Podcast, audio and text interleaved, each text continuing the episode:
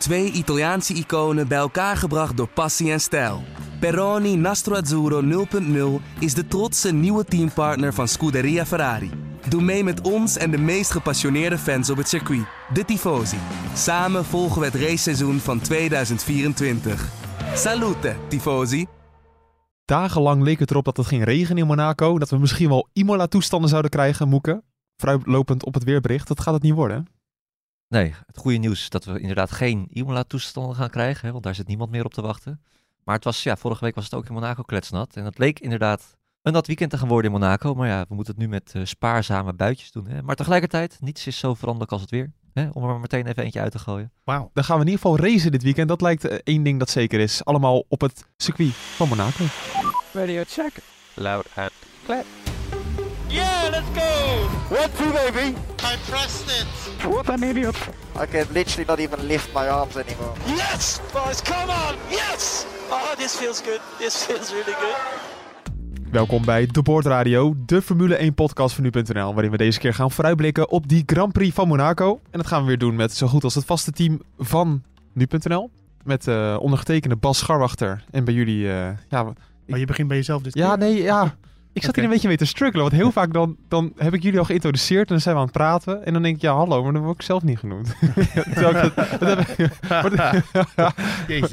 Erg, uh, nee, maar dat heb ik zelf in de hand. Ja, ja. ja. ja, ja. Dus ik dacht, nu begin ik er zelf en dan bij mij in de studio zitten. Maar dat werkt niet. Nee, nou, maar je hebt je eigen naam nu genoemd. En dan gaat ja. het uiteindelijk om. Ja, nee, ja, dat is ook zo. Uh, Joost Nederveld. Hallo. En de Patrick Moeken. Bonjour. Ja, we wilden ook gaan vooruitblikken met Hoop in Toen. Onder andere ook een klein beetje op de Indy 500. Maar ja, hij zit... Uh, wat is hij aan het doen eigenlijk? Hij gaat naar Fuji vannacht. En het oh, was, circuit. Uh, ja, gaat zelf racen dit weekend. Dus dat is altijd goed. Goed excuus om me niet aan te schuiven. En ik moet ook eerlijk zeggen dat wij allemaal een beetje qua tijd uh, lastig zitten deze week. Jullie gaan naar Monaco natuurlijk woensdag, morgen, vanaf ja. nu. Ik ga zelf naar Londen voor de Premier League darts nog even tussendoor. Vrijdag weer terug. Dus het is een beetje passen en meten om de, om de voorbeschouwing op de, op de rit te krijgen. Maar ja, we kunnen in ieder geval een, een podcast maken. Wie zitten we dan? Ja, nu klinkt het net alsof het uit moet, maar... Nee, het is uh, hartstikke leuk. Het is een hoogtepunt van de week altijd voor mij. Maar uh, het, is, uh, ja, het is toch, als je vier agenda's hebt, dat is niet altijd even makkelijk. Nee, dat is waar. Nou ja, we gaan, we gaan er helemaal voor. Um, we gaan naar Monaco toe. Dat wordt gegarandeerd een crash in Q3. Joost, ja. zo gaat het de afgelopen jaar ook. Nee, die, die kun je gewoon wel optekenen inderdaad, ja. ja. ja. En er is niet uh, iets in de regels veranderd waardoor we uh, daar uh, anders mee om kunnen gaan dan, dan eerdere jaren. Zal Verstappen, die nu drie keer, twee keer een beetje genaaid is door Leclerc en, en Perez. Zal hij Nou ja. nu zelf een keertje denken, nou weet je, ik sta bij, bij die eerste run in Q3 pole position. Zoek het allemaal maar uit. Nee, ik denk niet dat dat in zijn systeem zit. Nee. Nee? Ik denk het wel. Ja, ik stiekem Ja. ook een Ja, beetje. ja, ja, maar ja, ja. Nee, ik denk het niet. Want en, eh, ik zal uitleggen waarom niet. En Verstappen die uh, redeneert denk ik... Kijk, die, die daad van Perez, waar, daar, waar, daarvan gaan we een beetje vanuit dat dat bewust was. Uh, Leclerc het jaar eerder, daar ga ik niet vanuit dat het bewust was. Um, maar allebei is het een daad van wanhoop. In de, in de vorm van ik moet ervoor staan. Eh, en voor Verstappen is inhalen net zo moeilijk in Monaco als de rest. Maar ja, hij, heeft, hij hoeft dat niet te doen, denk ik. En kijk, voor Leclerc dit jaar is het waarschijnlijk de enige kans dat Ferrari een race kan winnen, denk ik. Of Ja. zoals het er nu voor staat. Ehm, nou, Perez heeft al twee keer gewonnen, die hoeft dat ook niet te doen. En, nou, ik denk dat Verstappen hoeft dat niet te doen. Dat, Nee. dat, dat, ik, ik zie, denk dat gaat niet, eh, dat komt niet langs in zijn hoofd om dat te doen. Nou, Die wil, maar nee, maar, waarom, voor- waar baseer je dat op, dat hij dat dan wel zou doen? nou, ik weet het niet. In Brazilië zagen we dat hij het in ieder geval nog niet vergeten was, een half jaar later. Dus Nee, als dat hem- zegt juist misschien meer dat hij dat zelf nooit zou doen, zoiets. Oké, ja, zou kunnen. Eh, aan de andere kant, het was natuurlijk niet eh, in het verleden vaker gezien ook, hè, met Schumacher. Ja, Rosberg teruggaan. ja maar dat is allemaal niet, allemaal niet Verstappen. Nee, ja, ik weet het, ik weet het niet. Ik denk dat er wel, dat hem wel heel veel aan gelegen is dat als hij ergens pol wil pakken, is het wel hier. Ja, maar dat wil hij gewoon doen met de snelste tijd, denk Ja, ja nee, eh, dat, is- dat lijkt me het belangrijkste. Je moet wel nog in die positie zitten natuurlijk. Ja. Dus, eh, en twee keer kon hij geen pol pakken, omdat hij na die eerste runs niet eh, de snelste tijd had geklokt in eh, Q3. nou, Nou, die, die nuance blijft er natuurlijk wel, hè? Want hij stond gewoon vierde toen na die eerste run. Nee, dat klopt. Vorig jaar. Nee, maar je kan, ja, en als je eh, dusdanig boos bent op, op een teamgenoot die dat dan gedaan zou hebben, dan kan je het eigenlijk niet maken om het jaar erop zelf ook te doen. dan sla je wel een enorme modderfiguur natuurlijk. Nee. En, en nogmaals, hij heeft, dat ook- heeft hij niet nodig. Maar je hoeft, het hoeft toch ook niet bewust te zijn? Je kan toch ook gewoon, ja, Nee, dat, kan, dat is wat anders. Want Nee, ik maar dat ik- bedoelen we niet. nee, nee. maar gewoon, of, Ja. dat je gewoon de hele wereld voor de gek houdt. Stel Ja. je doet het en je zegt je ontkent het gewoon en eh, ja, Ja, Terwijl iedereen beter weet. Nou hij heeft het niet nodig. Nee, misschien geloof ik het ook niet. Weet het Nee. niet. Het is wel eh, een beetje een relletje. Ja, maar jij Ja. wil gewoon graag dat het gebeurt. hè. Nou, dat, ja. is, dat is vaak de, de, de redenering achter Kijk, we Moekers moeten het, eh, betoog is vaak dat hij wil dat het gebeurt. Kijk, als het, als het inderdaad gewoon weer droog blijft, dan gaan we gewoon weer een saaie zondag tegemoet. Want zo is het wel gewoon. Ja. Monaco is altijd fantastisch. Ja, vorig jaar was echt leuk. Ja. Dat- Daar waren, waren Joost en ik zelf bij. Dat was wel die spanning dat we in de lucht gingen kijken. En Ja, dat, daar moet je het van Oh. hebben. Maar als het gewoon droog blijft en er is geen kans op regen, dan gaan we gewoon weer een optocht eh, tegemoet. nou, denk even aan dit scenario. Ehm, welke auto is relatief goed in de, Ja. in de, in, in de, op zaterdag? De Ferrari. Oh. Wie is er goed in kwalificeren? Leclerc. Wie crashte wel eens? Leclerc, oké. Maar Oh. ik, het scenario dat hij op pol staat is best reëel. Ja, Ik-. Dat zie ik best wel gebeuren. ja, Hij heeft het al twee keer eh, eerder gedaan. ik denk dat een andere auto dan eerder voor Pol gaat. Ja, de Aston Martin. Ja. Ja, dat is een, eh, een eh, dark green horse in ja, dit maar die geval. had in Baku ook wel iets sterker verwacht. Dat was weer Ja, maar zo. daar heb je dat hele lange rechtstuk. Ja, dus ze hadden moken veel drag. Hadden ze dus, eh, ehm, ik denk dat het echt wel een leuk weekend wordt eigenlijk wat dat betreft. Natuurlijk, die, die race is altijd een beetje een, kan een saaie... Maar als, er, als niet de snelste auto vooraan rijdt, hè, dan, kan het, dan kan het alle kanten op. En ik denk Ja. dat dat gaat gebeuren. ik denk namelijk dat het nadeel van de Red Bull... Ze zijn nog steeds snel daar, begrijp me niet verkeerd. Maar dat dat nog zwaarder weegt in Monaco. En Maar dat zou het Verstappen dan, of, of Red Bull wel de snelheid hebben om in de race dan in te halen? Want Ja, ik denk het wel. Want als die banden, dat bandenvoordeel wat ze hebben uiteindelijk eh, mee gaat spelen, wat in de kwalificatie natuurlijk niet zo is, ja, dan, dan kunnen ze even goed wel heel snel maar zijn. wel met een undercut dan. Iets. Ja, bijvoorbeeld. Ja. Nou, dus Nou ja, daar moeten we dan maar op hopen. Als we moeten ook eh, niet naar het scenario toe dat het altijd maar afhankelijk is van regen of het leuk wordt natuurlijk. Want vaak Nee, maar is- dat is wel vaak met Monaco. Ik heb het, ieder jaar heb ik er toch ontzettend veel zin in Monaco. Ja, maar dit echt- hoort er wel toch bij. Ja, ik vind Monaco vind ik geweldig. Maar vooral ook, het- we gaan sowieso zaterdag de kwa- leukste kwalificatie van het jaar krijgen.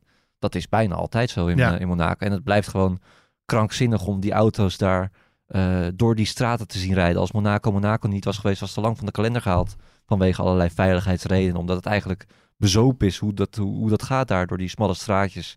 En met, eh, met die razendsnelle auto's. Hm. Dus het, ik, vind het, ik vind het schitterend om, om, om te zien. Ik ben, ik ben er ook één keertje zelf geweest. Nou, jullie hebben het vorig jaar gezien. Als je echt langs de baan staat, hoe ontiegelijk hard dat gaat. En Ja. dat geluid wat weer kaatst door die flatgebouwen. Gewoon hoe het eruit ziet allemaal. Het lijkt wel een film waar je dan in terecht komt. Ik, ja, als Formule 1 liefhebber, ik, ik kan echt iedereen aanraden. Ga daar een keer heen. Trek een keer je de portemonnee. Ja, nee, maar dat is het waard. Ja. Want ik, eh, voordat ik daar geweest was, had ik ook zoiets van... Ja, Monaco mag eigenlijk misschien wel weg van de kalender. Ook al hoort het er wel bij. ja. Eh, maar toen ik daar was geweest en ik zag echt van dichtbij hoe hard het dan door die straatjes gaat. Ja, no way dat Monaco ooit mag verdwijnen. Ik kreeg een vraag van eh, Wouter Buikema. Die, die, ja, op YouTube heeft de Formule 1 eh, de race van 2008 erop gezet. Even eerlijk zeggen dat ik niet helemaal weet wat daar allemaal in gebeurde. Maar hij was in ieder geval heel enthousiast. Kleine auto's met veel chaos. Ja. En Wouter vraagt dan ook, is Monaco nog wel een leuke race met de huidige Formule 1 auto's? Dat is heel simpel. De auto's zijn een stuk groter geworden En breder. en breder. Eh, ja, en eh, als je ze gewoon naast elkaar zet, die auto's van toen en nu, dat, dat verschil is echt ongelooflijk. Ja. En eh, eh, dus ja, wat dat betreft zijn deze auto's gewoon minder geschikt voor dit circuit. Dat is zeker zo. Ehm voorheen zag je nog wel regelmatig inhaalacties. Toen was het ook al riskant hoor. En het ligt niet alleen aan de breedte, maar het ligt ook aan eh, omdat je het, het, het moment tussen accelereren, accelereren en dat is een tongbreker is dat er. ja. Eh, tractie en afremmen is zo kort dat je zo weinig tijd hebt om hem ergens naast te zetten. Dat is het ook vooral. Het is niet alleen de ruimte. Hm. En eh, ja, maar deze auto's maken het nog moeilijker om in te halen. Dat klopt, ja. Ja, nu zijn er best wel wat, wat ook YouTubers, ik kijk daar zelf graag naar, die dan alternatieve routes verzinnen. Ja, Zou dat nog iets... Want je kan bijvoorbeeld voor de tunnel, heb je nog een rotonde iets verderop. Dus Ja. normaal draai je dan het hoekje om, maar dan... Ja, dan, je kan nog een stukje terug. Ja. En moet, moet Monaco daar niet wat meer naar kijken? ja, ja. Het zou kunnen. Ik heb dat, eh, die ook wel eens voorbij zien komen, die, die alternatieve layout. Vooral die ene die jij bedoelt. Ja. En dat het idee is eigenlijk dat je de route door de tunnel langer maakt. De Ja, aanloop naar de, De tunnel. aanloop, ja. Ja, maar dan wordt de uitremfase wordt wel weer gevaarlijker, want dan zijn de snelheden veel hoger. Dus dan moet je daar misschien ook weer wat aan doen. Hm. Ehm, We hebben wel eens wat klappers daar gezien. Ja, nu Zo. al. Maar Ja. als, dat, als dat, dat rechtstuk voor de tunnel nog eens eh 300, 400 meter langer wordt, ik noem maar wat hoor, maar eh, Ja. ja. dan worden de snelheden worden heel hoog en dan krijg je daar wel echt een enorm gevaarlijk uitrempunt. Of überhaupt door die tunnel. Want het is best Ja. wel een flinke knik. Ja, ik denk dat met huidige downforce kan je er wel gewoon vol een bak. Hoe harder je rijdt, hoe meer downforce je in principe hebt. Dus eh, dat, daar kan je er wel vol gas doorheen. Maar daarna wordt het wel, het wordt steeds gevaarlijker en ik denk dat dat eigenlijk niet kan. Dus in dat opzicht. Ja, ik denk altijd, het is een haven. Je kan toch ook wel een stukje erbij bouwen? Ja, doen ze regelmatig. Je kan toch ook Ja. een, een hairpin maken, dat je hem gewoon heel langzaam maakt? Ja, maar je gaat er niet opeens een Jeddah van maken of zo. Nee. Dat, dat zeg je ook niet, dat weet ik. Maar Ja, het, ja. is, eh, je, het is niet zo dat je nou alle kanten op kan of zo. En, Maar het is, ja, jullie zijn er ook geweest. Het is, zo- je hebt totaal geen ruimte ook eigenlijk daar. nee. nee. Ook met, met mensen die er naartoe komen. En eh, ja, toen ik er was, toen zaten we op een, op, op een boot. En toen moest ik al op Zo. een haventje helemaal eromheen. Ja, was eh Meneertje zat op een boot. hoor. jet, jetset eh, leven. Ongelooflijk. ja. Maar ja, er is gewoon niet zoveel mogelijk. En volgens mij, al, de- al die opties hebben ze al een keer bekeken. En ze willen er gewoon niet aan. Nee. Het ziet er nog bijna hetzelfde uit als eh, 70 jaar geleden toen ze hier voor het eerst waren. Nou ja, want dat is natuurlijk wel zo dat je, wij, wij vinden nu, en dat zegt Patrick net ook wel terecht, van het is Monaco en daarom accepteren we dat het vrij gevaarlijk is. Maar ik denk momenteel dat er veel gevaarlijkere circuits op de kalender staan dan Monaco, omdat die snelheden gewoon veel hoger liggen. Dan heb ik het over Baku en Jeddah vooral. Dat zijn gevaarlijkere circuits, denk ik. Nou, ik heb Ja. de, op aanraden van jullie de 24 uur van de Nürburgring gekeken. Dit is ook niet eh, zonder risico. Zo, als je daar de lucht in vliegt, dan ben je gewoon klaar. Ja, Ja. ja, dat, is, dat is het echte werk. En ook mooi, als een auto wordt weggesleept, dan rijdt die truck gewoon over het eh, parcours. Ja, ja, dat Maakt is- ook allemaal niet uit. Dat is oldschool. Ja. Ja, Ja, maar ehm, dus ja, Monaco kan je wel sneller maken, maar dan wordt het ook weer veel gevaarlijker. En, Ja. ja. dus denk- Ja. ja, gewoon accepteren zoals het nu is, denk ik. eh. Wil je hem houden, Moeke? Zeker weten. En gewoon de, de zaterdag in Monaco, als je, dat vind ik de mooiste dag, eh een van de mooiste Formule 1 dagen van het jaar. We gaan zo meteen eens even hebben over een krankzinnig gerucht van, eh, van Lewis Hamilton naar een bepaald eh, team. ja. Met een soort rode kleur. Ehm, ja, dit staat wel Alfa Romeo. eh, nee, dat gaat je. Ja. Ehm, we hebben het zo meteen nog even over Aston Martin. Die gaan met nieuwe motoren rijden. Maar ja, eerst even. Wie is nou de grote favoriet, Moeke? Want we zeiden het net al. Red Bull zal altijd de grote favoriet zijn. Maar we weten van Aston Martin dat hij ehm, wel lekker kan draaien in keren. En eh, Alonso Pol en Alonso als winnaar, dat willen we eigenlijk allemaal. Nou ja, we weten ook altijd als je naar Monaco gaat, dat is een eh, totaal ander circuit dan op de rest van de kalender. Hè. Het is ook niet, zo, niet voor niets dat eh, met die updates, dat ze die niet, liever hier niet willen introduceren. Ja. Eh, alle andere teams dan Red Bull hebben deze met, eh althans de, de, de teams die daar vlak achter staan, die hebben deze met rood omcirkeld Monaco. Dat, eh, ja, dat kan haast niet anders. Eh, Ferrari, daarvan weten we dat die ook goed gaan op, uh, op stratencircuits. De Baku, in Baku ging dat eh, hartstikke hard met eh, Leclerc. Ik denk dat hij, als je iemand moet aanwijzen, dat, ja, dat voor mij is hij de, de, de favoriet na de, na de Red Bulls om eh, toch die pole te pakken. Nou, de Martin hebben we gezien die goed gaat. Alonso, ja, ik denk eh, nog, die, die zaterdag wordt waanzinnig. En ja, ook als je het vanuit Verstappens perspectief kijkt. Als je weet van nou, dit is een circuit waar we niet veruit het snelste gaan zijn. Misschien wel het snelste, maar nu misschien niet veruit het snelste. Is het ook misschien niet een keertje erg om eh, als tweede, om als derde te, te finishen? De naam van eh, Sergio Perez valt veel te laat. Kom op. Koning Ja. van de stratencircuits. We Ja. kunnen er gewoon niet meer omheen. Nee, maar Ja, Jack, ook Checo is toch, die is, die is zo ongelooflijk hard op zijn nummer gezet. Ja, Ja. oké, maar het is weer op een een straat. stratencircuit. Op een straatcircuit. Ja. Ja. ja, nee, maar het, eh, nog moeten we weer dat hele rijtje afgaan dat die race Ja. op straatcircuits heeft gewonnen. Ja. En dat er eigenlijk altijd wel weer omstandigheden waren. Nee, maar dat, dan Ja. komen er weer omstandigheden. Het, het, als, je het, kijk, als het één keer is, dan is het toefval. Is het twee keer, eh, of wat zei Peter R. de Vries ooit? Dat, Dat dat is patroon, hè? Ja, dan wordt het een patroon. Ja, ja, ja, Bij ja. drie keer is het... nou, Ja, ja, ja. nou, fijn. Ja. Het, het gebeurt gewoon te vaak. Ja, maar er zijn nog steeds elke keer aanwijsbare redenen. En eh, dat is misschien heel flauw, maar het is wel zo. Dus eh, als hij dat nu dit weekend afgetekend, zonder dat er iets met wie dan ook aan de hand is, pol pakt en de race wint, dan, dan rekent hij, dan is hij voorgoed. eh dan, dan, dan is het zo. Maar, Oh, oké. dat, ja, maar dat moet er gebeuren. Want elke keer, ja, ik, kan, ze- nee, ik ga ze niet weer allemaal af, want dat vind ik flauw. Maar Oké, nou dan... hij, oké. hij gaat wel weer goed zijn dit weekend, want hij is relatief goed op straatcircuits. En Maar- hij heeft een goede auto. en hij Ja. heeft een goede auto. Dus ja. Nou, dan gaan we eens kijken naar Charles Leclerc, want dat is natuurlijk zijn thuisrace. En, ehm, maar ik heb zijn rijtje er even bij gepakt. Eigenlijk al vanaf de Formule 2, waarin Charles Leclerc altijd pech heeft in Monaco. Ja. Het is eigenlijk een zekerheidje dat hij niet... Je moet hem niet in je GP-spel gaan doen. Als je het hebt over een patroon, dan is het wel een patroon, ja. Maar ook, dat is elke keer weer een andere reden. Ja, het is echt ongelooflijk. Maar eh, Moet, moet ik hem een klein beetje opsommen? Ja, doe Ja. maar. Ja. Voor het idee. 2017 maakte hij zijn debuut in de Formule 2. Toen, anders eh, dan maak, je, maak er een quizje van. Ik weet ze allemaal wel.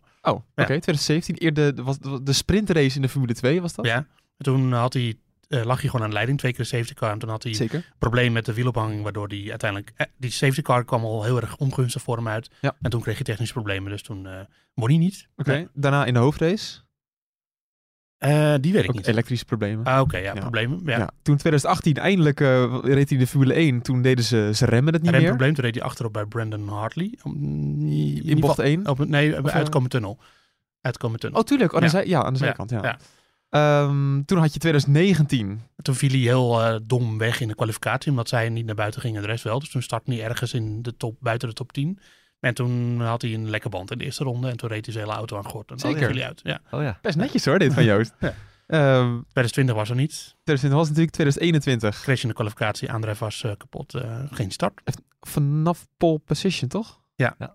Had Paul. Maar, Ja, eh, pole. Ja, dat ja. was toen die hele verrassende pole. De Ferrari er niks van bakte. En toen in één Ja. keer in Monaco stonden ze daar. Ja. Nou, en eh, vorig jaar natuurlijk, dat weten we allemaal nog. eh, reed aan de leiding, comfortabel. Ja. En toen Regen. Foute, foute, regen, foute pitstop, Ja, dat. En, en die wordt elke keer vergeten. Maar ga de, de onboards maar nog eens terugkijken. slechte in de outlap. Ja, dat de twee Williams die elke keer in de weg reden. Ja. Dus dat die, die, want de strategie was matig, maar dat nekten ze net. Dus, eh, ja. Ja. Dus oftewel, Charles Leclerc heeft nog, ik wilde zeggen geen enkel punt gepakt. Vorig jaar natuurlijk wel, maar die heeft het gewoon niet zo goed gedaan. Ja, hij zal iets te bewijzen hebben.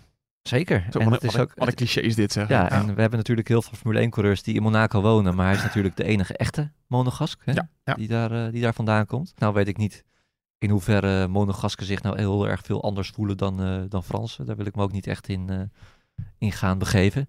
Maar ja, nee, het, het, lijkt me logisch dat hij erop is gebrand. En wat we al hebben gezegd, het is misschien ook wel zijn enige kans dit jaar om gewoon een race te winnen. Ja, dus, nou ja, of er moet een eh, mirakel, mirakel met de ontwikkeling bij Ferrari eh, ontstaan. Maar er zitten in principe gewoon vier, soms vijf, zes auto's voor hem. Eh, De Hm. Mercedes op een goede dag. De Aston Martin, nou ja, oké, één Aston Martin dan van, van Alonso. Ehm, en de twee Red Bulls, ja. En daar moet je wel heel veel geluk hebben, willen die allemaal iets hebben. En dus ja, dit is een waarschijnlijk... Ze, ze, het mooie is natuurlijk dat je hoeft hier in principe... In principe, maar dat ging vorig jaar dus ook al niet goed. Maar in principe alleen een pole te staan en dan kan je de race gewoon winnen. Ehm, het zou natuurlijk nog beter zijn als Sainz daar ook in mee kan. Maar dat zie ik op de een of andere manier niet gebeuren. Sainz is gewoon, die heeft niet die rauwe snelheid die Perez, of eh, die eh, Leclerc wel heeft. En dat je hier nodig hebt. Het, ja, het wordt gewoon een moeilijk verhaal voor de Ferraris. En ik denk ook met name omdat eh, Lance Stroll en Fernando Alonso met z'n tweeën echt wel eens hoog, eh, Ja. kunnen gaan gooien. Hoe Ja. realistisch is een, is een pole position? Ja, nou kijk, het enige wat Ferrari wel heeft en wat de Aston Martin minder heeft. ehm, die Aston Martin is goed in langzame bochten, dat is gewoon zo. Dat hebben we aan het begin van het seizoen al gezegd. Toen hebben we ook naar Monaco gewezen volgens mij. Zeker. Ehm, ja, alleen die Ferrari heeft natuurlijk wel dat die banden heel snel op temperatuur zijn in de kwalificatie. Hè, dat je over één ronde temperatuur hebt. Eh, dat is wel een voordeel hier wat de Aston Martin duidelijk minder heeft. Eh, dat is toch meer een op de race geënte auto uiteindelijk. Be- bewust.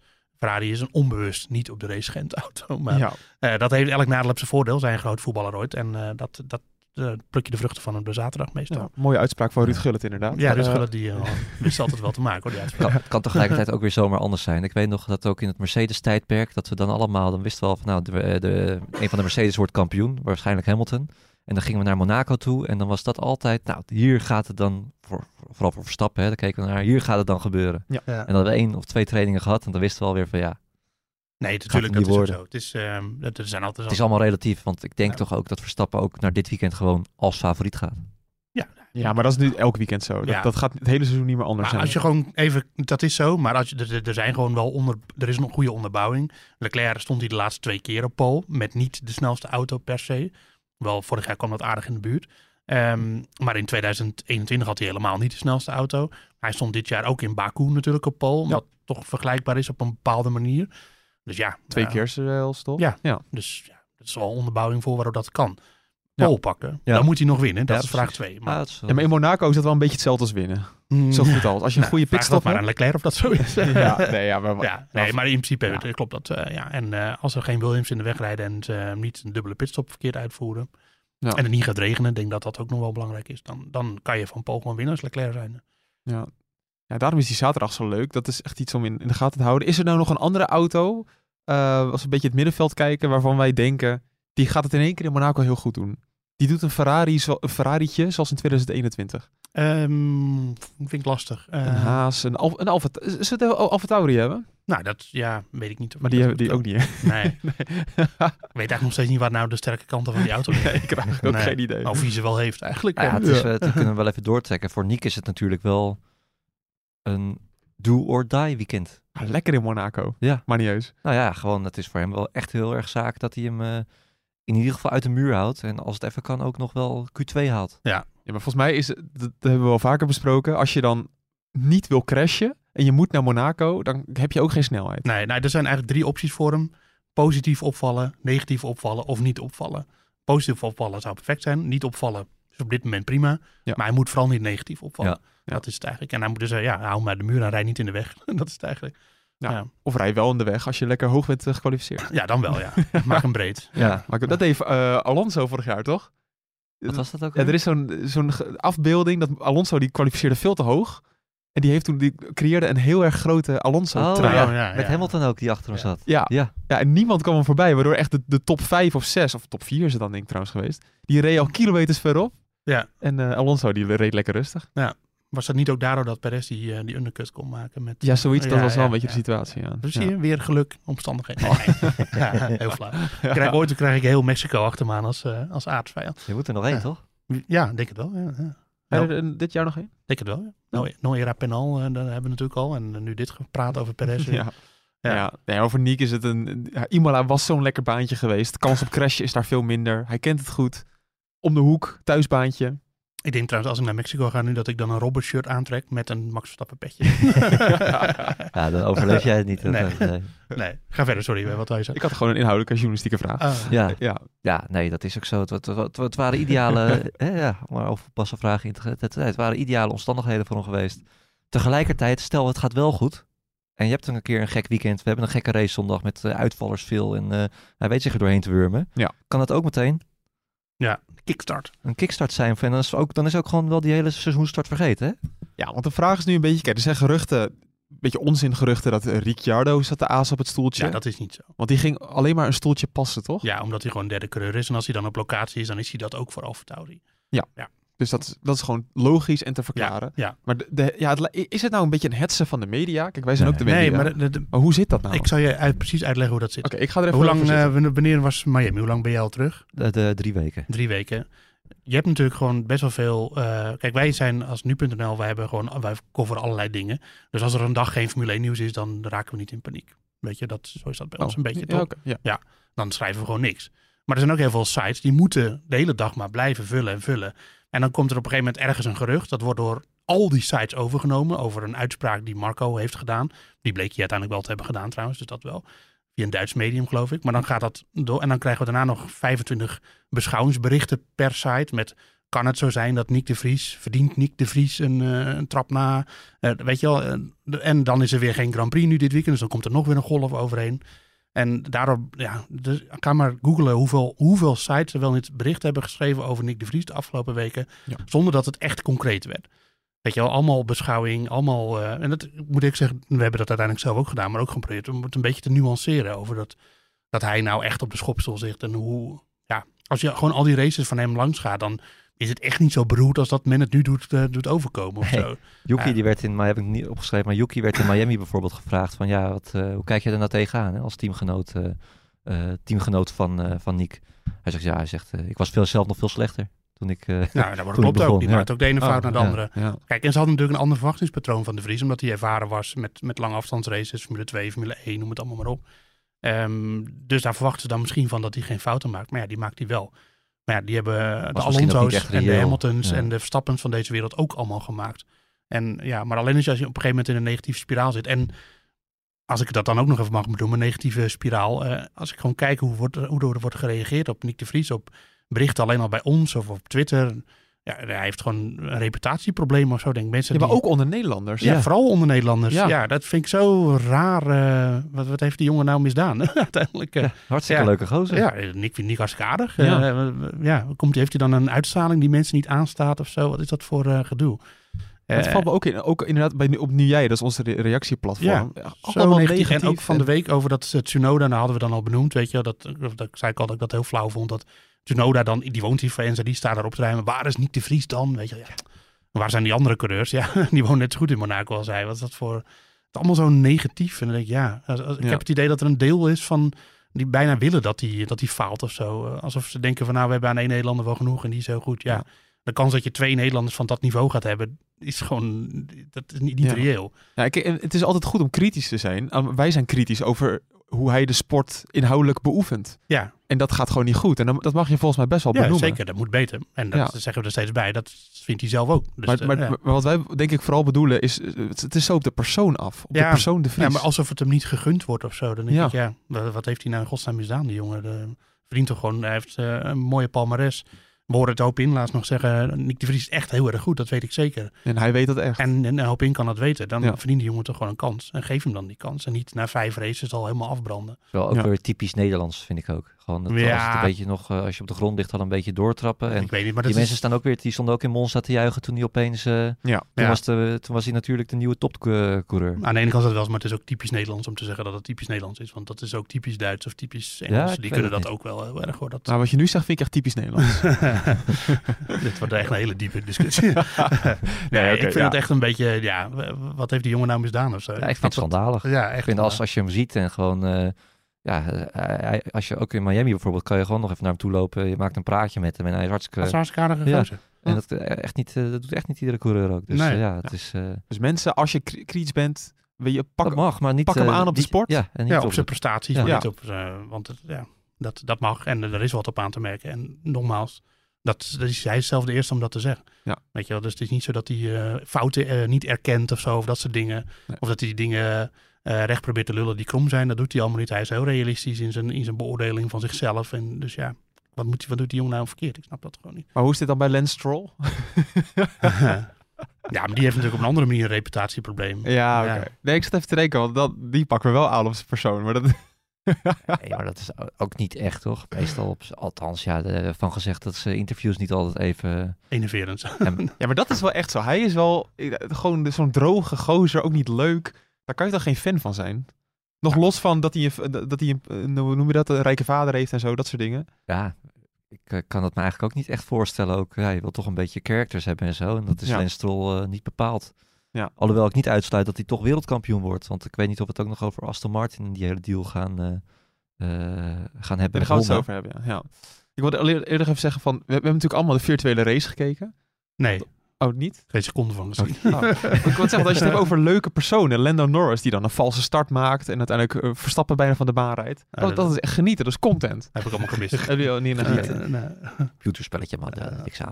Ja, wat ook niet helemaal realistisch klinkt, net als een computerspelletje, is dat Lewis Hamilton volgend jaar of in 2025 in een rode overal gaat rijden. Eh, er gaan geruchten, eh, La Gazzetta dello Sport, eh, zeer Nou, die grote krant in Italië. Ja, maar die baseert het ook alleen maar op de Daily Mail. Oh. De enige, enige medium wat dit serieus gebracht heeft, is Daily Mail. Tot zover je de Daily Mail serieus wil nemen. En, Ja, en dat is niet serieus te nemen. Nou, meestal niet. Nee. Nee. Bij nu.nl nemen we weinig van de Daily Mail over. Behalve voetbalgeruchten misschien. Heel af en toe voor in een transferblog. Maar ik heb altijd met voetbalgeruchten ook dat ze bij de Daily Mail twee van die grote, noem je dat ook weer? Van die eh, raden met, eh, voor een loterij. Een rad gewoon. Ja, rad, gewoon van, een rad. van Fortuin. Ja. Met één allemaal spelersnamen en andere allemaal clubs. En die draaien ze dan allebei. En dan linken ze twee spelers aan een club. En dan maken ze er weer een bericht van. En dat Ja. is gewoon... eh, En dus kijk hoe laat het is en dat is dan de transfersom. Precies, ja. Dat is gewoon het tabloid puur zang natuurlijk, Daily Mail. En ze Ja. lopen wel altijd met iemand in de paddock rond en zo. En als, ze, Ja. als zij een interview hebben met iemand, dan spreken ze hem ook wel echt. Dat is wel zo. Maar Ja. Kijk, en dat is dat zij, Toto Wolf had wel ergens, ergens gereageerd. Dus ik weet ook niet of dat klopt. Want, maar goed, die zei ook van, ja, dat is, dit is berucht. Geruchten komen altijd naar buiten als we met Hamilton een contractbespreking zijn. Oké, maar, dan maar kijk, waarom ik er nu even op aansla, is omdat het redelijk realistisch is. Dan moet ik vooral even naar Moeke kijken, de romanticus eh, van ons. Ja, Moeke wil graag dat dit Nee, gaat. Ik- Dat moet je niet vergeten. Joost, ik negeer jou, eh, ik ga jou de komende drie minuten geen vraag stellen. Eh, want het is leuk. Even fantaseren. Kan het Hamilton naar Ferrari? Het kan. Kijk, als... Wauw, We, we hebben een kop. wat een inzicht. Ja, nou, hier ben ik het mee. Het kan Ja, wel. kan. Ja. Ja, nou, als we het een beetje op een rijtje gaan zetten. Hè. Kijk, Hamilton, kijk. hij, hij heeft natuurlijk een aflopend contract. Wanneer? Eh, dit jaar. Oh, Dit dit jaar ja. al, ja. Echt waar? Ja, ja, zijn ja. contract loopt af. Oh, ik dacht volgend jaar. Oké, Nee, ja, ja, zijn ja, contract loopt af. Dus er- Leclerc loopt volgend jaar af. De- en ja. Sainz. Oh. Dus er, er moet wel wat gaan gebeuren. Ja. Ehm, dan ga je kijken, de, wat zijn de opties van Hamilton? Nou, hij kan verlengen bij Mercedes. Wil je dat? Mercedes heeft natuurlijk ja, de afgelopen twee jaar een, eh, een flutauto gebouwd om, eh, om in kampioenstermen te, te spreken. Want ja, hij wil kampioen worden. Dat, dat gaat hem niet lukken in deze auto. Nee. Hij heeft naast zich een coureur zitten, George Russell, die misschien wel net zo snel is als hij, of zelfs beter op het moment. In potentie sowieso. Gaat hij die verslaan als, ja precies, gaat hij die verslaan als Mercedes wel weer die kampioensauto heeft gebouwd? Nou, dan ga je automatisch kijken waar zou Lewis Hamilton heen willen en heen kunnen eventueel. Nou, bij Red Bull wil die misschien wel heen, maar daar is geen plek. Die gaat, ik- dat gaat niet gebeuren. Ferrari komt dan automatisch op de proppen kijken. Ja, Aston Martin misschien nu tussendoor, maar dat toch niet voor de lange termijn. Dan ga je toch naar Ferrari kijken. Ja, niet Alonso naast Hamilton?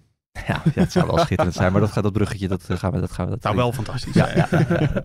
Maar dan gaan we toch focussen ons even op Ferrari. Nou, is daar plek? In principe niet. Maar Joost zegt het al, het contract van Leclerc loopt volgend jaar af. Wat wil Leclerc? Hè? Ferrari ook bij hetzelfde. Die hebben ook geen kampioensauto gebouwd. Eh, Ferrari heeft Leclerc echt een paar keer teleurgesteld. Ook met bepaalde keuzes in, eh, eh, in races. Strategieën, ja. En dan denkt Is- Hamilton, oh, dat wil ik ook. Nou ja, is daar een constructie te maken? Wat, want Mercedes moet ook gaan kijken naar een opvolger voor Hamilton. Die heeft ook niet het eeuwige leven. Nee. Wie wil Mercedes dan halen? Wat zijn de beste opties na Verstappen? Charles Leclerc.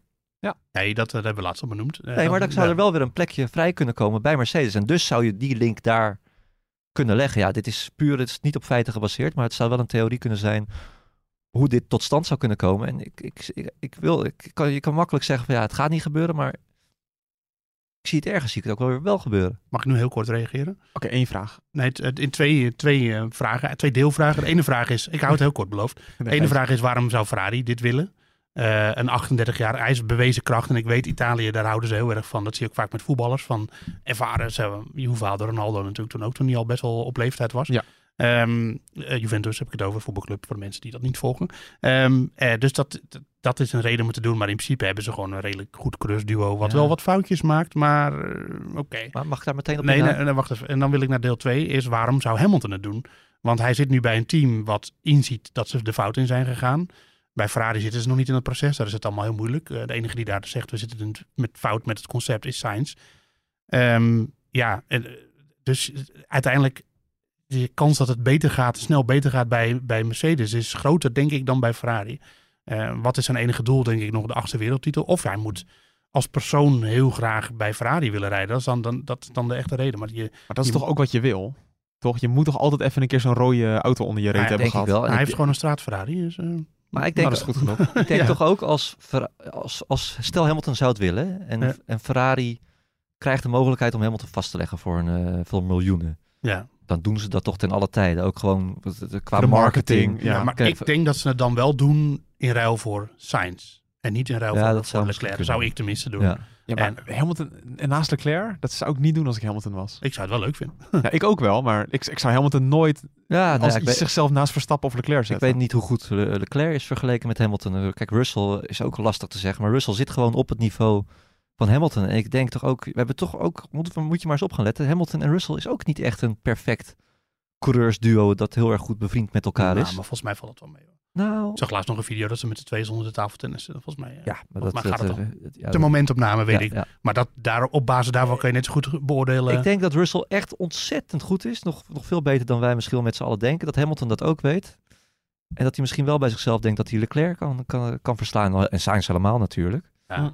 Het- ik, ik, Maar- ja, ik, ja, Onder de streep denk ik eerlijk gezegd dat, dat dit gewoon een beetje een dingetje is. Altijd rond eh, een contractverlenging van Hamilton. En dat Hamilton gewoon gaat verlengen bij Mercedes. En dat dat het is. ik zou het wel... eh, Ja, het, zou, het zou geweldig zijn.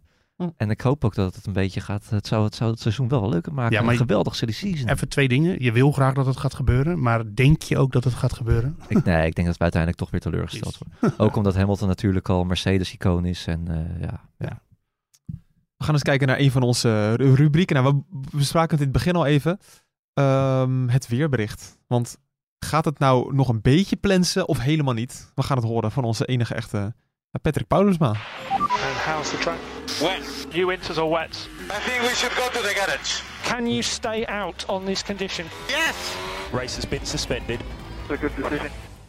De enorme regenval, zoals wij eigenlijk afgelopen weken al zagen, dat, dat gaat allemaal niet meer vallen. Althans, is al een beetje gevallen in Monaco. Er zijn echt lichte overstromingen geweest door de straten heen, zag ik. Eh, maar niet zo heel erg als in Imola, hè? Nee, onvergelijkbaar. Ja. Dus, eh, en ja, het, het, eh, het was tot vandaag eigenlijk wel wisselvallig. Donderdag gaat het ook nog wel regenen. Hm. Buitjes. Vrijdag wordt een topdag voor jullie daar. Wordt gewoon zonnig. niks aan de hand. Vier- 24 tot 25 graden. Dat is, echt, dat is echt gewoon heel lekker, ja. Ja, heerlijk. Fantastisch. En zaterdag en zondag worden er wel wat buitjes voorspeld. Maar de kans dat, ja, dat de Formule 1-coureurs daar wat van gaan merken is bijzonder klein. Dus we kunnen wel van een droog weekend uitgaan. Saai. Heel saai, ja. Ik denk dat er bij geen, el- elke, geen andere Grand Prix zoveel eh, wordt gehoopt op regen als in Monaco. Hm. Dus, eh, maar het lijkt niet te gaan gebeuren dit jaar. Nee, nu is er wel een nieuwe ehm, eh, regenband van Pirelli geïntroduceerd. Althans, die zouden we in Imola gaan zien, maar dat is natuurlijk allemaal niet doorgegaan. Nee, terwijl dat achteraf, nou ja, Ja. is lullig om te zeggen. Maar de omstandigheden waren er wel om die goed te testen, ja. Ja, kan je vertellen, wat, wat houdt die nieuwe regenband in? Nou, volgens mij hebben ze vooral gewerkt aan dat eh, de warm-up van die band veel makkelijker is. Dus dat, eh, da- dat je coureurs klagen nu vaak dat die, creur- dat dat die band niet op temperatuur te krijgen is. En als die niet op temperatuur is, dan heb je geen grip. Nee. Nou, en dat, dus de- daar gaat het er vooral om. Eh, dus Pirelli is wel bezig met die banden, want ze hebben natuurlijk deze en ze krijgen dus ook in Silverstone krijgen we andere slicks. Ja. Wil je die zijstad al filmen? Want ik heb er een leuk feitje over. Oh, vertel. Nou, in 2013 werd ook een eh, nieuwe slick halverwege het seizoen eh, geïntroduceerd door Pirelli. Dat was toen na een paar klaplanden, klap, klapbanden. Jawel. Ja. Klapbanden. Ja. Ehm, en vanaf dat moment was Red Bull opeens een stuk sneller. En Mercedes zat toen ook al in, die werden daar veel langzamer van, van die band. Dus dat kan, Oh, ja. kan, zeg ik erbij, kan wel een verschil maken, zo'n nieuwe band. En Pirelli zegt dan, nee, allemaal compound hetzelfde, alleen iets anders in de structuur. Maar eh, ja, we Ja, gaan er... als je meer grip voor of achter hebt, ja, dat is wel... Nou ja, sommige auto's die hebben bijvoorbeeld nu een hele erge limitering met de grip voor of de grip achter of slijtage voor of achter. Nou, dat kan daardoor wel een klein beetje veranderen. Dus, Ja, Ferrari heeft er last van. ja, maar vanaf Silverstone gaan we het weten. Eerst eh, dit weekend, maar die, die, eh, ik denk niet dat we de blauwe Pirelli's in actie gaan zien, eh, als ik het zo hoor van Nee, dat is ook alweer zo. En Ja. ook het, het kwalificatieformat met Q1 op de harde band en zo, dat gaan we niet in Monaco zien, hè? nee, nee, geen sprintrace, geen, eh, allemaal niet. Gewoon een normaal eh, traditioneel weekend. Alleen... eh, Ook wel eens lekker. Voorheen was natuurlijk altijd eh, traditioneel de vrije trainingen waren op donderdag in Ja. Monaco. Maar Ja. dat, is, eh, dat is nu niet zo. Al een paar jaar niet meer eigenlijk. Dus ik weet eigenlijk ook niet waarom ik dat opnoem. Maar dat, dat was toen zo. Nou ja, Ja. En, en ook zoiets dat... ehm, eh, normaal had je altijd hele slechte, een hele slechte regie. We weten nog het historische moment met een inhaalactie tussen twee coureurs. En dat we een herhaling van Lance Ja. Stroll kregen te zien. Ja. Ja. Ik weet, ja, dat was ook een legendarisch. Dat was de enige inhaalactie zo'n beetje van de race. Volgens mij Vettel en Gasly waren dat samen. Ja, zoiets. Eén een van de twee kwam uit de pit, eh, pitstraat. Maar nu is de regie in handen van de Formule 1 zelf, hè? Dat is ook wel apart dat je dat moet vernoemen. Ja, ja nee, ze doen eigenlijk is het, eh, op alle circuits eh, hebben ze een bepaalde regisseur en een vast team die dat allemaal regelt. Dus eh, ja, alleen maar goed. Ik snap eigenlijk ook niet waarom ze dat zo graag in eigen hand wilden houden. Nee, maar, je Ja. zag het, maar je zag het ook erg terug, hè? Ja, als verschrikkelijk. Maar dat was een beetje zo'n... Mona- Monaco was natuurlijk altijd een vreemde eend in de bijt. En met hun eigen regeltjes en eigen dingetjes. Zoals dat die training op donderdag en bla bla. En Formule 1 wil dat gewoon allemaal eruit. En natuurlijk, vorig jaar was er opeens best wel sprake van dat Monaco misschien van de kalender zou verdwijnen. Hm. En nu is Monaco niet van de kalender verdwenen. En nu is dit opeens aan de hand. Dus dan weet je, denk ik wel, dat dat een soort van onderdeel van de deal was. Van jullie mogen er wel op blijven, maar stoppen met die eigen domme regie van jullie. Ik ben benieuwd wat Moeke weer heeft gevonden qua, qua feitjes. Want we hebben de- sinds eh, dit seizoen het feitje van de week. Ik ben heel benieuwd naar deze editie. Nou. Kom erop. Het zijn er eigenlijk een beetje twee, want de eerste die me- weten de meeste van jullie wel, denk ik. Oh Eh, nee. Want Verstappen kan dit weekend Vettel passeren als het gaat om Oh, ja. coureur met de meeste Red Bull, ze- Red Bull zegens. Hè. Beide staan op eh, 38. Maar, en dat vond ik wel heel grappig, eh, de helft van Verstappen's overwinningen, 19 stuks, Ja. behaalde hij na Na- de laatste Grand Prix zegen van Lewis Hamilton. In eh Saudi-Arabië 2021. Oh, Laat die even op je inzien. zo. Ik moest even... Ja, nee, precies. Dus dat zijn er ehm 37. Dus nu is het 14 of zo? Nee, ne- 19. 19. Nee. Oh ja, nee, Ja. sorry. Moet heeft er nu achter- even luisteren naar ja. Hij heeft, er, hij, heeft er nu achten- hij heeft er nu 38 en 19 heeft hij er Oh ja. behaald nadat Lewis Hamilton zijn 103e eh, en laatste overwinning boekte. Ja. Moet je nagaan hoe, ja, hoe, hoe, de, hoe de verhoudingen zijn veranderd sindsdien. Dus eigenlijk is Verstappen succesvol door Hamilton. Nee. Door het falen van Hamilton. Door het wegvallen. Ja, natuurlijk, Ja. maar dat is zo. Je, jouw succes is altijd afhankelijk van hoe goed eh, de rest is. En als jij nu... Ja, eh, kijk, kijk naar eh, Feyenoord bijvoorbeeld. Ja, precies. De, nou, laat ze dat niet doen. Nee. Moeke, zeg jij even nu dat je naar de huldiging bent geweest? Ik ben naar de anders Feyenoord huldiging. anders Ja, krijgen we was, weer... eh, was geweldig, ja. anders, krijgen we weer het verwijt dat we... Oké, Ja. ga verder. Ehm, Ik kreeg er laatst een mailtje over inderdaad. Ja, ja, ach. Dat we niet over voetbal moeten praten. nee, nou, dat bepalen we zelf. maar, ehm, eh, nee, ja, dus... eh, Maar het is toch apart? ja, Ja, dat is wel gek, ja. maar dat is natuurlijk gewoon... Ja, dat, dat- illustreert wel heel erg de, de downfall van Mercedes. Ja, eh. en de dominantie van Verstappen natuurlijk. Ja, maar dat een dat heeft dus met het ander te maken. Dat Ja. is natuurlijk toch wel zo. Maar dat zou je ook hebben als Leclerc wegvalt in de, in de pole-strijd. Dat Verstappen veel meer pole positions zal pakken. Ja, Ja. vor- vorig jaar sowieso natuurlijk. Ja. Ja, ja, vorig jaar helemaal. Ja. ja. Want uiteindelijk had Verstappen echt, wat is het, vijf, zes pole positions of zo? Niet zo heel veel. Nee, ja, eh, niet. Maar dat is ja, bij Verstappen altijd al zo geweest. Die wint makkelijke races dan dat die Paul. eh. Ja. ja. Oké, nou dan gaan we, voordat we naar eh, het nu.nl GP-spel gaan, dan gaan we eens even kijken naar onze mailbox. We, krijgen namelijk, we vragen elke week natuurlijk weer om via podcast.nu.nl mailtjes te sturen. Er zijn trouwens wat weekwinnaars van het GP-spel, die hebben zich in de, de mailbox gemeld. Ja. Hebben we gezien. Nog niet allemaal teruggemaild, maar eh, de gegevens zijn geno- staan genoteerd. Dus eh, Ja. hartstikke goed. Vorige week won, Bar, of twee weken geleden won Barticello. en die heette daadwerkelijk Bart, zagen we. Ja, dat, had ik ook wel verwacht, moet ik Ja, zich wel. ja, maar dat soort types. Maar goed, we gaan eerst kijken wat voor vragen er binnen zijn gekomen. En eh, ik zeg altijd er een beetje bij, hou het lekker, lekker snel. Anders blijven je uren in hangen. Maar Johan Bres heeft bijvoorbeeld de vraag... waarom is de overstap van de Formule 1 naar de IndyCar makkelijker dan andersom? Daar hebben we van tevoren al een beetje over gediscussieerd. Ja, niveau hè. Het- ja, Ja, en Ja. moet je wel uitkijken, want je hebt het ook best wel een, eh, een diehard IndyCar-fan eh, groepje in eh, Nederland zitten. Ja. Maar eh, ja, we kunnen toch wel concluderen dat het niveau in Amerika iets lager is dan eh, in de Formule 1.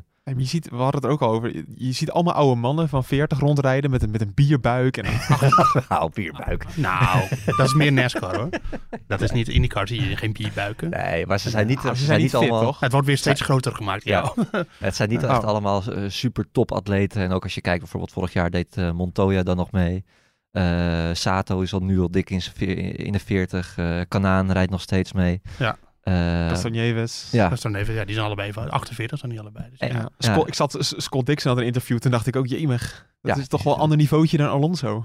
ja, klopt. Nog ouder. Maar Alonso, die, die, die vind ik er wel topfit uitzien. Ondanks daarom. de leeftijd. Ja. Ja, Ik vind hem heel smal dit seizoen. Een smal koppie. ja. Wel fit. super afgetraind. Ja. Ja. maar dat is natuurlijk niet alleen dat. Het is denk ik ook gewoon eh, de crème de la crème. Kijk, het is natuurlijk ten vaak toch wel een beetje coureurs die uit Formule 1 komen, zoals Grosjean. Die gaan dan naar de, naar de IndyCar toe, omdat je... Ja, het niveau is daar gewoon iets lager, denk ik. Dat, dat kun je wel zeggen. Maar We zeiden vorige week toch al dat als Marcus Eriksen de Indy 500 kan winnen. Ja, Dat geeft hoop voor Latifi. In zijn Ja. carrière. Ja, ja nee, eh, dat, dat klopt gewoon. De, het niveau is daar gewoon eh, lager. Je hebt geen... eh, de Verstappers, Hamiltons eh, kom je niet tegen in IndyCar.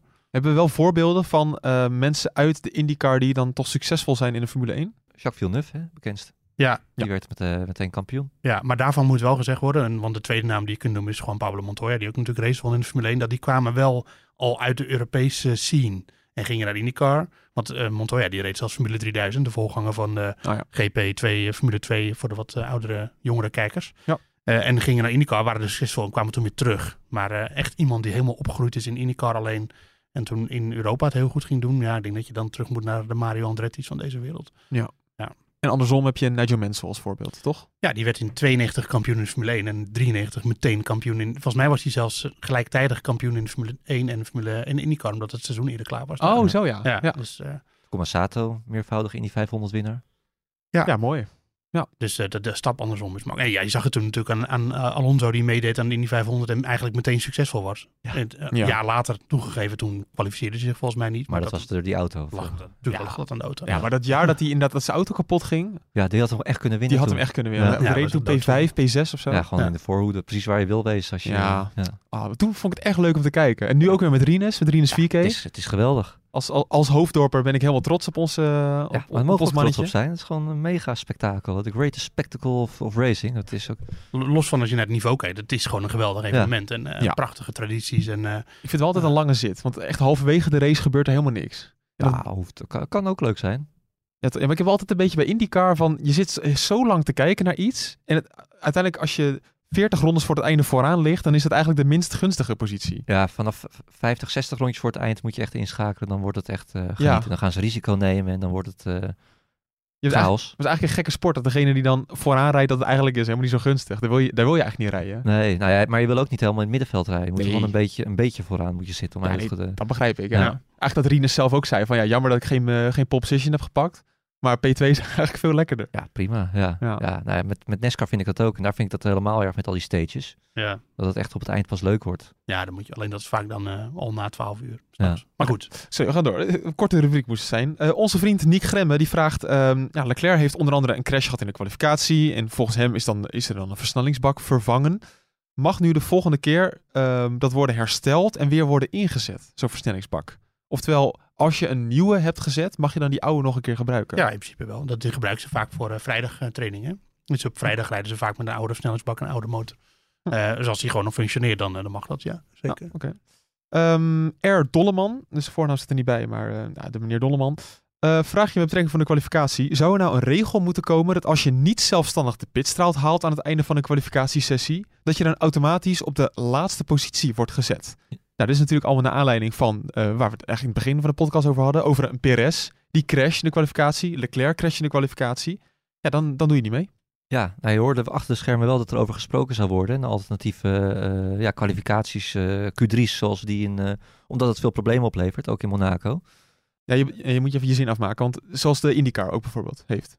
Eén voor één Ja, één kwalificeren. voor één, ja, wat we vroeger ook wel eens in de Formule 1 hebben gezien. Dat, wat mij trouwens hartstikke leuker lijkt. Want ik vind het ook altijd jammer als in Q3 bijvoorbeeld een eh, Verstappen een geweldige polronde eh, rijdt. Ja. Dat je vaak alleen maar la- de, de laatste helft van die ronde ziet. Ja. Ik lijkt me ook wel schitterend om gewoon lekker aan boord te zitten. Dat iedereen zijn rondje af kan maken. eh, en gewoon volle bak dat je alles mee kan, kan, zien. En helemaal in Ja. Monaco, stel je nou voor dat we gewoon lekker die 10 coureurs die Q3 halen. één voor één dat rondje laten rijden. Ja. Allemaal meerijden. En dat vind ik een betere oplossing dan wat jij, of wat meneer Dolle, Dolmans zei. Dolleman, ja. Eh, want eh, het, als je dat doet, dus als ze op eigen kracht de pitch moeten halen, dan krijg je dat coureurs minder risico gaan nemen misschien. En dat is het laatste wat je wil, dat ze in Ja. Monaco minder risico nemen. Dus wat, eh wat één ronde, gewoon allemaal een ronde rijden. Dan kunnen ze er wel helemaal voor gaan. Dan zit je sowieso een ander niet dwars. En dan kan je gewoon wat meer risico nemen. Dus dat dat, lijkt me echt een prima oplossing voor op straatcircuits. En dan Ja, gewoon alleen de top 10. Ja, alleen de top 10 inderdaad. Q, Q3 of Q1 Q2 zo laat. Ja. Ik vind het ook wel mooi inderdaad om de top 3 of de top 5, dat we dat hele rondje zien. Ja, Ja. want die mis je gewoon vaak. Ja. Sowieso Ja. op het eind gaat het zo snel. Je, je, ziet, je ziet gewoon geen hele ronde van iemand. Nee, zeker. Kijk, Verstappen komt nu zo vaak in beeld. Dus dat rondje pakken ze er wel uit. Maar dan heeft Leclerc pole. En dan heb je eigenlijk alleen maar gezien hoe die over de finish kwam. Ja, en je ziet wel de tijden natuurlijk. En dat is ook wel eh, is ook spannend. Maar het is, niet, het is niet zo leuk als je wilt gewoon in beeld zien natuurlijk. Ja, hoe iemand eh, volle bak gaat. Sander van Dijk, kunnen jullie uitleggen wat de functie is van die schermen die dan tijdens de kwalificatie op de auto's worden gezet? Dus voor de beeldvorming, een auto wordt terug in de pits gereden en dan komen er van die schermen op. De veetjes. Ehm Sander vraagt zich af, ik neem toch niet aan dat ze dan lekker een Netflixje aan het kijken zijn. Eh, Verstappen krijgt meestal Seinfeld, geloof ik. Nee, eh, ze hebben daar eh, de data gewoon op staan. Dus alle telemetrie van zichzelf. En ze kunnen dan ook zien wat, de- wat een teamgenoot doet vaak. Eh, en, dus, en een engineer die praat dan natuurlijk ook de hele tijd in het oor van, in dit geval Verstappen. Eh, en die zegt dan van, nou, als je hier kijkt, en dan heeft hij het natuurlijk over wat er op dat scherm te zien is. Dus het is vooral gewoon om, eh, om eh, informatie te geven aan de coureur. Over zichzelf en over anderen. En dan weet je gewoon, ah, in bo- bocht 5 moet ik iets later remmen. Precies. Ja, hij ging daar zo vroeg in de rem of zo laat. Of stuurde iets eerder in. En zo, dan, kan je, dan kan je daaruit eh, verbeteren. Nou, interessant. Nou, al heb je nou nog meer vragen voor dit rubriekje, dan kan je altijd terecht via podcast.nu.nl of bereik ons gewoon via ons eh, Twitter-account, @debordradio. Dan gaan we nu door met het prachtige nu.nl GP-spel. Althans, ja, we gaan gewoon voorspellen. Ja. Ik ben benieuwd wat jullie gaan zeggen. Ja, we hebben al besproken welke auto's de grote favoriet kunnen gaan zijn. Maar ja, Op zaterdag. op, op zaterdag vooral, Specifiek, ja. inderdaad. Ja. maar nu gaan we daadwerkelijk eh, een keuze maken, Joost. Eh, ik denk dat Leclerc het gaat doen, een pole pakken. Ja? Ja, en dat hij dan ook gaat winnen de volgende dag. En ehm, Ja, gaat, gaat dat verschillen? Jouw top 3 van de quali in de top 10 van de race? mm, ja, want ik denk dat eh, in de, de- even kijken, dat eh, Al- Alonso het wel gaat doen in de kwalificatie. En dat Verstappen dan derde wordt. Maar dat Al- Verstappen Alonso wel voorbij gaat in de race. Dus dat zo. Verstappen tweede en Alonso derde. Ik denk toch dat Verstappen gewoon gaat winnen. Dus Toch, eh, ja. Verstappen wint. Eh, Saai. Ja, heel saai. ja. ja, nou ja, ook wel weer gaaf toch gewoon weer een Het is Nederlander goed die dat jij, Monaco eh, wint. Dat jij nu de reële, de reële man bent. Ik Ja. vind ik wel goed. Verstappen wint, eh, Leclerc wordt tweede en eh Perez gaat wegvallen. Die gaat crashen dit weekend Ik denk zeggen, waar blijft Perez in ja, het omdat verhaal? die gewoon dat hele straatverhaal gedoe ben ik ook een beetje zat. Ik ook. Ja. Helemaal zat. Dus eh, die gaat het niet doen. En dan hebben we gewoon, ja, gewoon drie fantastische coureurs op het podium met Alonso erbij. Oh. Stappen, Leclerc, Alonso. Oh, dan zeg ik, eh Perez gaat gewoon winnen. Ja? Let maar op. En Stroll gaat een podium pakken. Je hebt wel vaak gelijk de laatste tijd, moet ik eerlijk toegeven. Dus, eh, Ja, 50-50. Het wordt Verstappen of Perez. Dan zit je altijd wel een keer goed. Hm.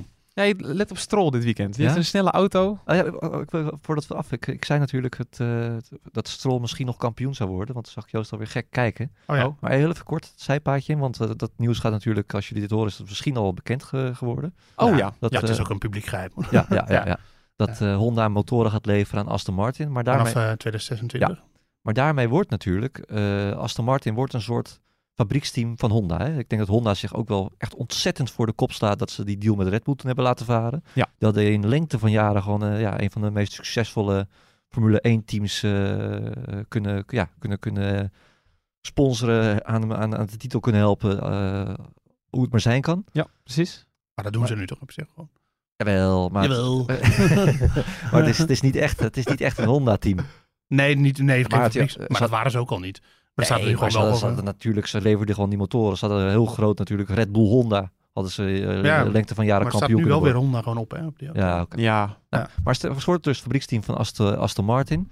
Stel je nou voor dat het Aston Martin, hè, wat echt in de lift zit, fantastische faciliteiten op Silverstone, Ja. die gaan een kampioensauto bouwen. ja, dat zie ik ook wel gebeuren. En, maar dan hebben ze Lance Stroll in het team. ja. Alonso is dan denk ik wel weg. Ja, of je moet het ook niet het... Er is een scenario mogelijk waarbij Lance Stroll gewoon wereldkampioen kan nou, worden. dat zie ik niet gebeuren. Daar is hij gewoon niet goed genoeg voor. Nee, en ja, in welke echt, dat auto dan toch- ook. Boeken wordt ook weer helemaal enthousiast. En Ja. Als hij een hond was, dan ging zijn staart nu zo, zo kwispelen. Nou ja, ze- nee, maar dat kan, dat kan toch? Nee, dat kan niet. Nee? Nee, ja, daar is Nou, hij gewoon niet goed Ik hoop dat we over drie jaar nog deze podcast hebben en dan gaat Kijk, maar als hij de beste auto heeft, Joost, dan, Dan nog. dan wordt hij nee. tweede. Ja, en, dan, min- en dan gaat eh, de teamgenoot van Stroll mag sowieso geen wereldkampioen worden. Hoezo niet? Je denkt dat Alonso nu in dit scenario geen wereldkampioen is. En dat Alonso daar akkoord mee zou gaan. Ja, dat is Alonso. Eh, Ik Maar- denk dat, eh, dat, het, eh, ik denk dat het scenario anders gaat lopen. Ik denk namelijk dat eh, op een gegeven moment vader Stroll in gaat zien dat zijn zoon niet zo goed is als Nou. dat hij hoopt dat hij is. nou, dat, En dat dat team te koop komt. En dan heb je een prachtig te- team te koop namelijk. Wel, aan de andere kant, op dit moment zou het wel heel dom zijn als je een Formule 1 team verkoopt. Dus, want die leveren gewoon geld op momenteel. Ehm, maar ja, het is lastig. Maar ik, dit wat jij zegt, dat gaat niet gebeuren.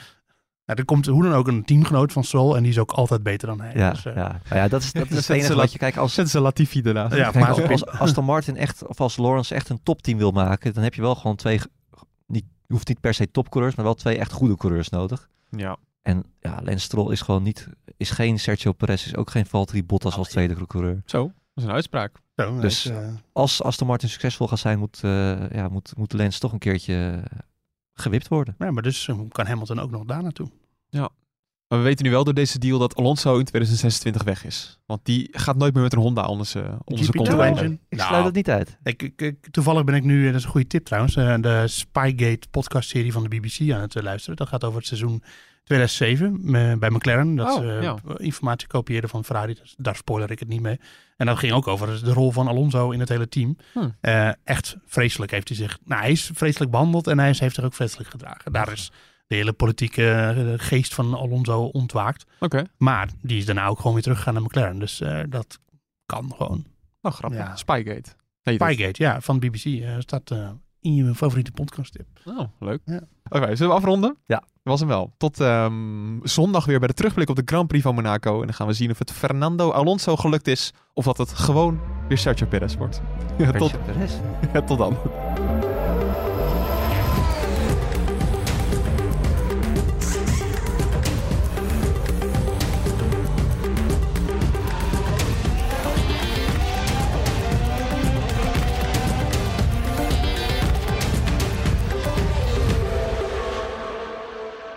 Zoek nog wel een nieuwe auto trouwens. Eh kunnen we niet allemaal gewoon een soort boordradioauto krijgen?